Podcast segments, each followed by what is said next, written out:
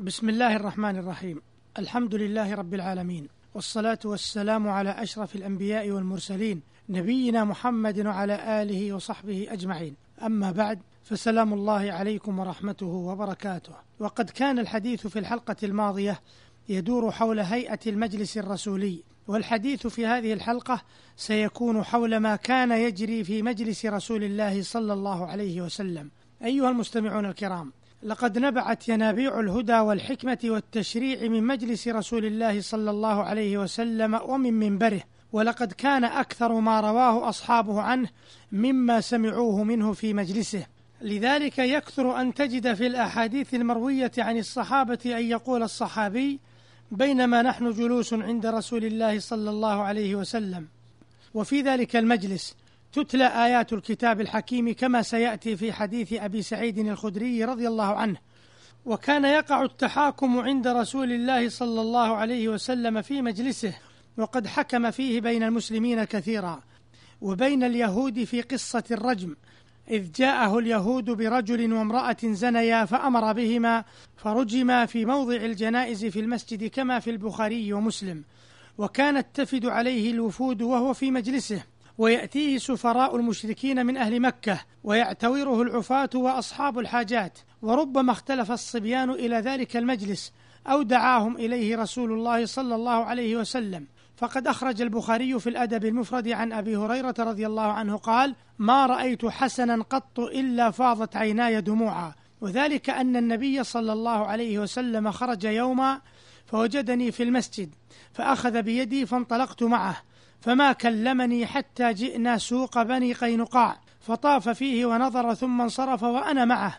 حتى جئنا المسجد فجلس فاحتبى ثم قال أين لكاع؟ أدع لي لكاع. فجاء حسن يشتد فوقع في حجره ثم أدخل يده في لحيته ثم جعل النبي صلى الله عليه وسلم يفتح فاه فيدخل فاه في فيه ثم قال اللهم إني أحبه فأحبه وأحب من يحبه. والحديث حسنه الألباني في صحيح الأدب المفرد.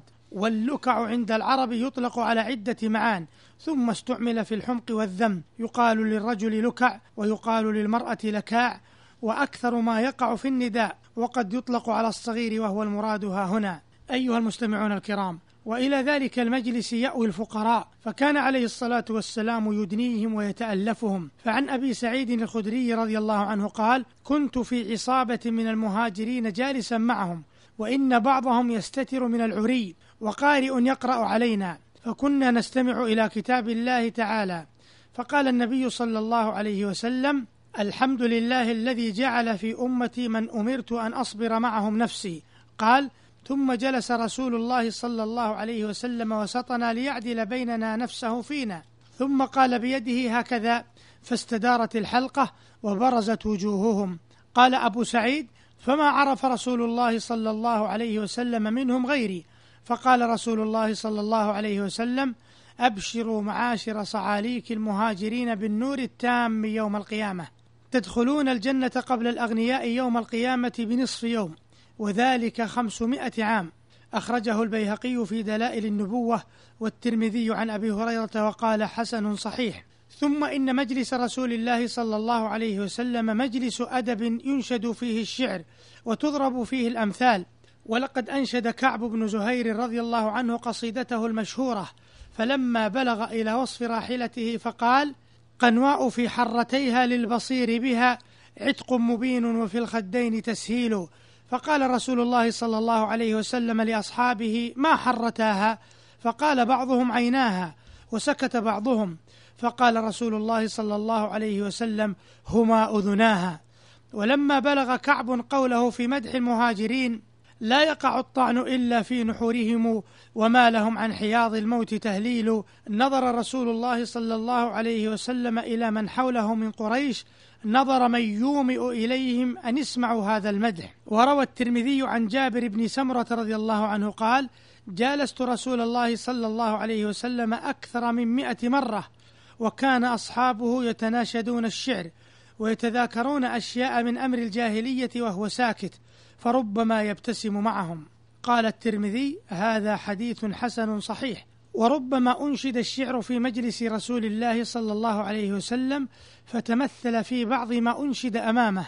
فعن الأعشى المازني قال أتيت النبي صلى الله عليه وسلم فأنشدته يا مالك الناس وديان العرب إني لقيت ذربة من الذرب أخلفت الوعد ولطت بالذنب وهن شر غالب لمن غلب فجعل رسول الله صلى الله عليه وسلم يتمثلها ويقول وهن شر غالب لمن غلب أخرجه أحمد والبيهقي في السنن الكبرى. وربما أنشده أحد الشعراء فاستوقفه وسأله عن مقصوده في أحد الأبيات.